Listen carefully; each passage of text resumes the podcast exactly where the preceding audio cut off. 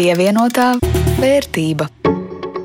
Sveicināti! Jauns nedēļas sākums un klāt jaunākais pievienotās vērtības raidījums. To jums rada Jānis Ramāns no Latvijas radio un Rudīts Pakauska no Latvijas televīzijas. Šodien uzmanību pievērsīsim turisma nozarei un biznesam, kur pēdējie divi gadi nav tie vieglākie, bet nākotne, lai gan grūti prognozējami, var nest jaunas iespējas un ne tikai turisma nozarei.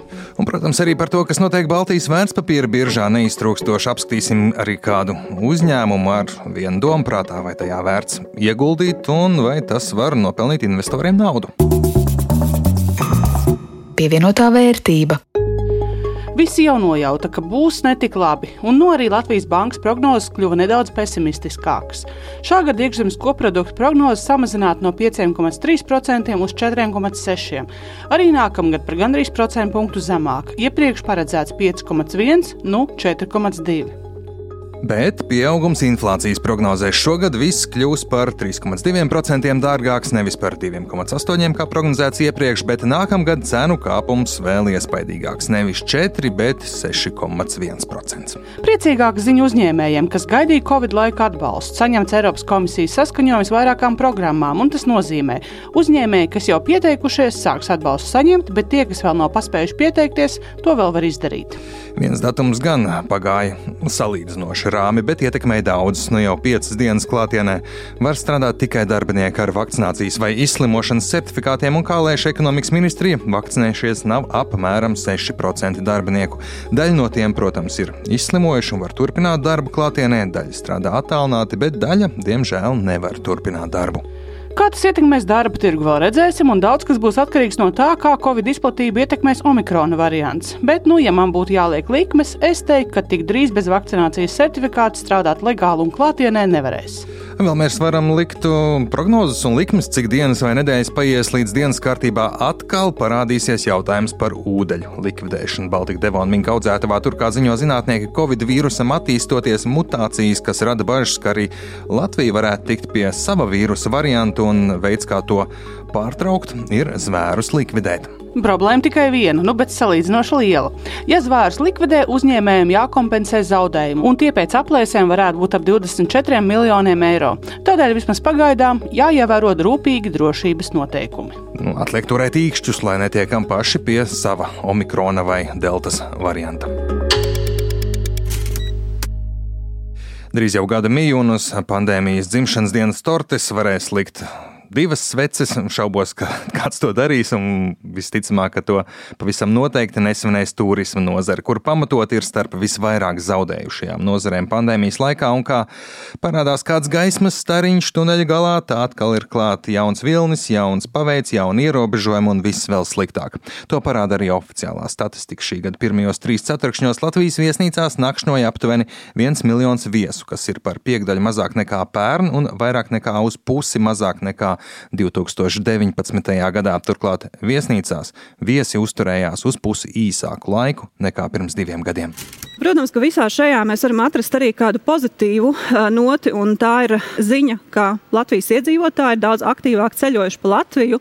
Latvijas iedzīvotāji ir arī aktīvi atbalstījuši turismu nozari tādā izpratnē, ka viņi ir pirkuši Latvijas turismu nozares pakalpojumus, nakšņojuši Latvijas naktsmītnēs un tādā veidā arī snieguši savu ārtavu turismu nozares atbalstam un attīstībai. Dzirdējāt Latvijas Investīciju un attīstības aģentūras turisma departamenta direktori Ines Šīravu. Principā vietēji un arī tuvāko kaimiņu valstu turisti ir bijuši kā tāds mm, reanimācijas, dzīvības uzturēšanas aparāts nozarei, bet um, nav jau svarīgi, kas ir bijis. Būtiskāk ir saprast, ko darīt nākotnē un vai būs labāk. Un Lijā organizētajā Latvijas turisma formā Utrehtas Universitātes sociālās psiholoģijas nodaļas lektors, biznesa stratēģis Timons Dejangs paredz, ka Turisma nozarei gaidāmas lieliskas iespējas. To skaidri parāda aptaujas, kurā cilvēkiem vaicā, kas būs tas, ko darīsiet, kā pirmo pēc pandēmijas. Un pirmās atbildes ir šādas. Social. I'm going to get social, hugs, kisses, get together, go out to eat, get, get social with people. Socializēšos, tikšos ar cilvēkiem, apkampieni, skūpsti, ballītes, bet otra tikpat bieža atbilde ir ceļošu. Es ceļošu. Cilvēki grib ceļot, satikt cilvēkus, draugus un ceļot. Viņi ar to nedomā, es no viena Rīgas gala aizbraukšu uz otru pusi. Nē, viņi ar to domā, es došos uz otru Eiropas pusi, uz otru pasaules malu. Šīs ir tās pašas dažas atbildes, ko sniedz cietumnieki, kad viņiem pajautā, kas būs pirmās lietas, ko darīsiet brīvībā. Vispirms satikt ģimeni un citus cilvēkus, un pēc tam ceļot. Protams, pateikt, kad tieši sabiedrības cietums būs galā, ir grūti, bet nevienam Un neviena krīze nevar ilgt mūžīgi, vismaz psiholoģiskajā ziņā pavisam noteikti, un te turisma industrijai parādās vēl viena iespēja, atzīmē sabiedrības psiholoģijas eksperts. Mēs šobrīd joprojām esam krīzes stadijā, kur gluži kā pēc teorijas grāmatas pieaug ticība reliģijai, sazvērstības teorijām, cilvēki mazāk riskē, uzkrāja naudu, samazinās cilvēku socializāciju un pasliktinās mentālā veselība. Lai tiktu līdz pēc pandēmijas situācijai, vēl būs jātiek pāri vidusposmam, kuru var saukt gan par transformācijas, gan par tādu kā kompensācijas posmu. This feeling lot. Šī sajūta, tu esi tik daudz pārdzīvojis, tu esi tik daudz cietis. Mēs to dzirdēsim ļoti bieži ne tikai turisma industrijā. Dzirdēsim, ka cilvēki saka, es esmu to pelnījis. Es tik daudz pārdzīvoju pirmajā posmā, es esmu nopelnījis šo atvaļinājumu, es pelnīju šo ballīti, šo festivālu. Es cietu, man tas ir jākompensē, man sevi ir jāārstē, jāuzlabo sava mentālā veselība. Cilvēki metīsies sevi izdabāt. Indulge. They're gonna indulge. Problēma, protams, tagad ir, ka atšķirībā no citām krīzēm, šobrīd notiek tāda kā lēkāšana starp šo pirmo un otro posmu, un šis otrais kompensējušais posms gan cilvēkiem, gan turisma industrijai pa īstam nemaz neiestājas, un jauns Covid variants atmet atpakaļ pirmajā krīzes un neskaidrības stadijā. Labi, ja pandēmija kaut kad beigsies, aktuāls jautājums ir, vai turisma industrija vēl vispār spēs šo potenciālo pieprasījumu sprādzienu apmierināt. Daudz darba nozarē ir pametuši, atraduši citu darbu nozari, vai pietiks darbinieku, vai viņus varēs dabūt atpakaļ. Timons saka, par to īpaši nevajadzētu satraukties. Mēs to redzam tajās valstīs, kuras no pandēmijas atkopjas pirmās. Personāla atlasē to sauc par lielo aiziešanu vai lielo staigāšanu. Tas nozīmē, ka pandēmijā cilvēki turas pie sava darba, bet pēc tās transformācijas fāzē daudzi maina darbu. Interesantā lieta ir, ka viņa nemaina darbu uz to pašu industriju. Ja tu esi apdrošināšanas aģents, tu neej vienkārši strādāt pie konkurenta. Lielajā staigāšanā daudzi cilvēki pilnībā maina savu karjeru. Viņi dodas uz pavisam citu nozari, kura labāk saskana ar viņa vērtībām. Un es domāju, tā ir lieliska iespēja visiem tiem, kuri šajā laikā ir zaudējuši darbiniekus. Vai jums vajadzētu pieņemt atpakaļ šos pašus darbiniekus? Nē, nebūtu. Jo ir liela iespēja, ka jūs brīdī, kad transformācijas fāze būs klāta un jums noteikti vajadzēs darbiniekus, jūs tos atradīsiet no nozarēm un vietām, par kurām kurām pat šobrīd nevarat iedomāties. Un kā daudz eksperti arī Timons piebilst, lielākā kļūda uzņēmējiem un cilvēkiem būtu cerēt, ka dzīve pēc pandēmijas atgriezīsies pirms pandēmijas sliedēs pilnīgi visās jomās tā nenotiks. Ir skaidrs, ka darbs no mājām daudzi digitālie risinājumi paliks arī pēc pandēmijas, bet, lai gan varētu šķist, ka tādām nozarēm kā viesmīlība un turisms tas nav par labu, patiesībā tieši pretēji, jo vairāk cilvēku pavadīs vieni ar ekrānu laiku un tehnoloģijām, jo viņi vairāk vēlēsies to kompensēt ar īstu dzīvu, socializēšanos un ceļošanu. Pievienotā vērtība.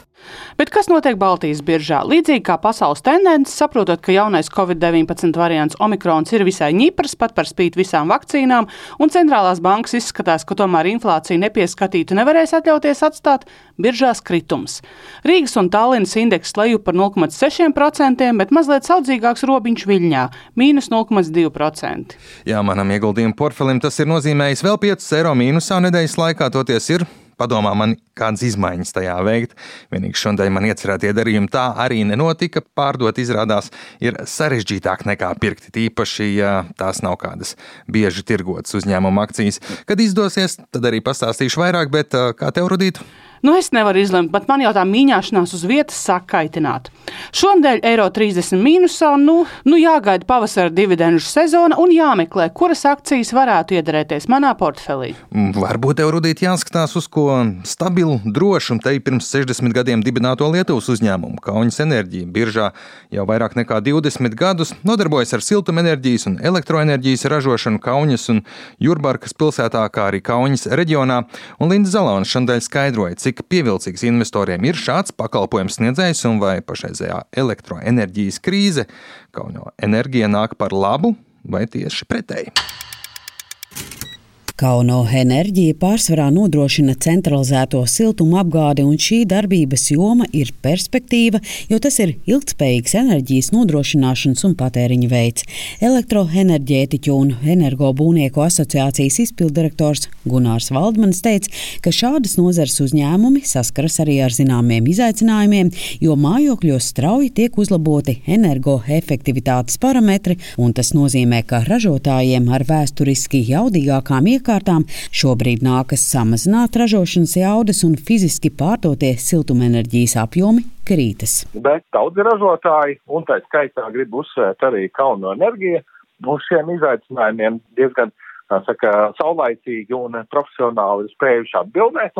Kompānija tieši pēdējo desmit gadu laikā ir veikusi diezgan intensīvas investīcijas siltuma ražošanas jaudās, kas ir balstītas uz biokurināmo, tātad reizstāti veclaicīgākas, neefektīvākas iekārtas ar krietni gan modernākām, gan arī vidē draudzīgākām iekārtām. Tātad varētu teikt, ka uzņēmums ir diezgan labi parūpējies par savu ilgspēju.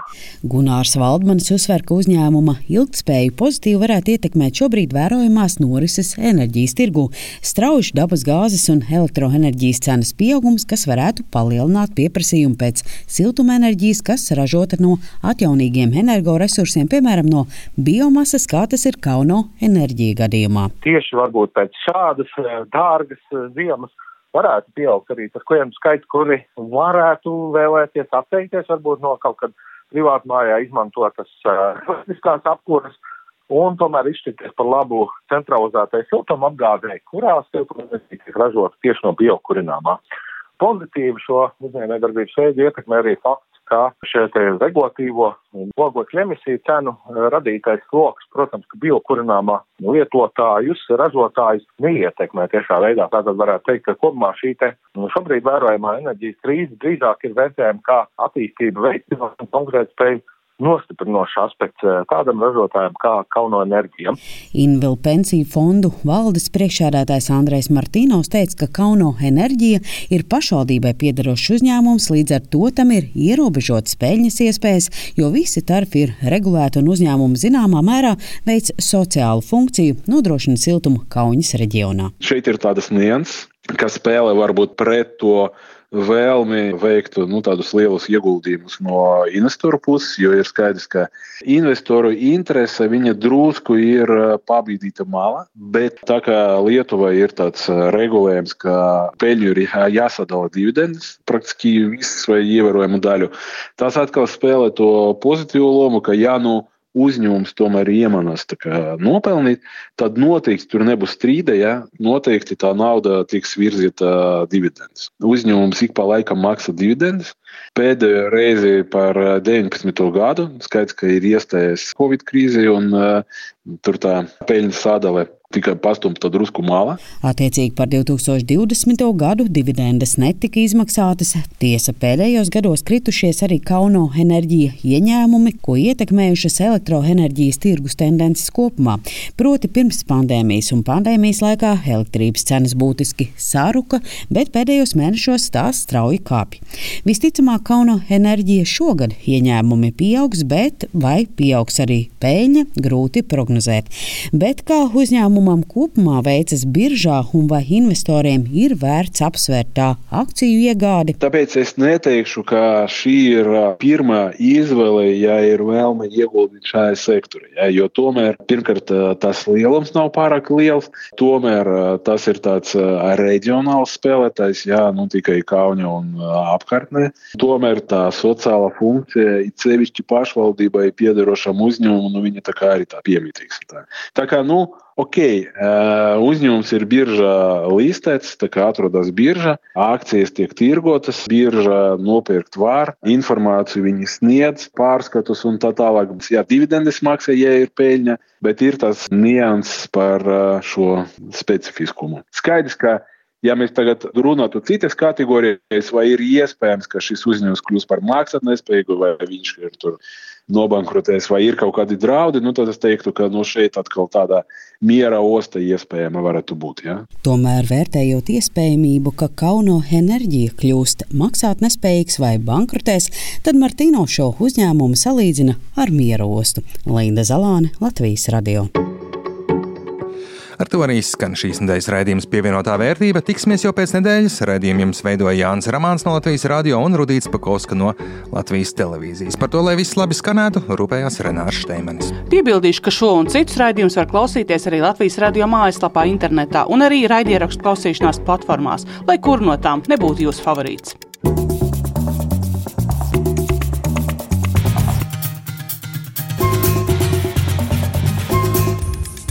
Pievienotā vērtība.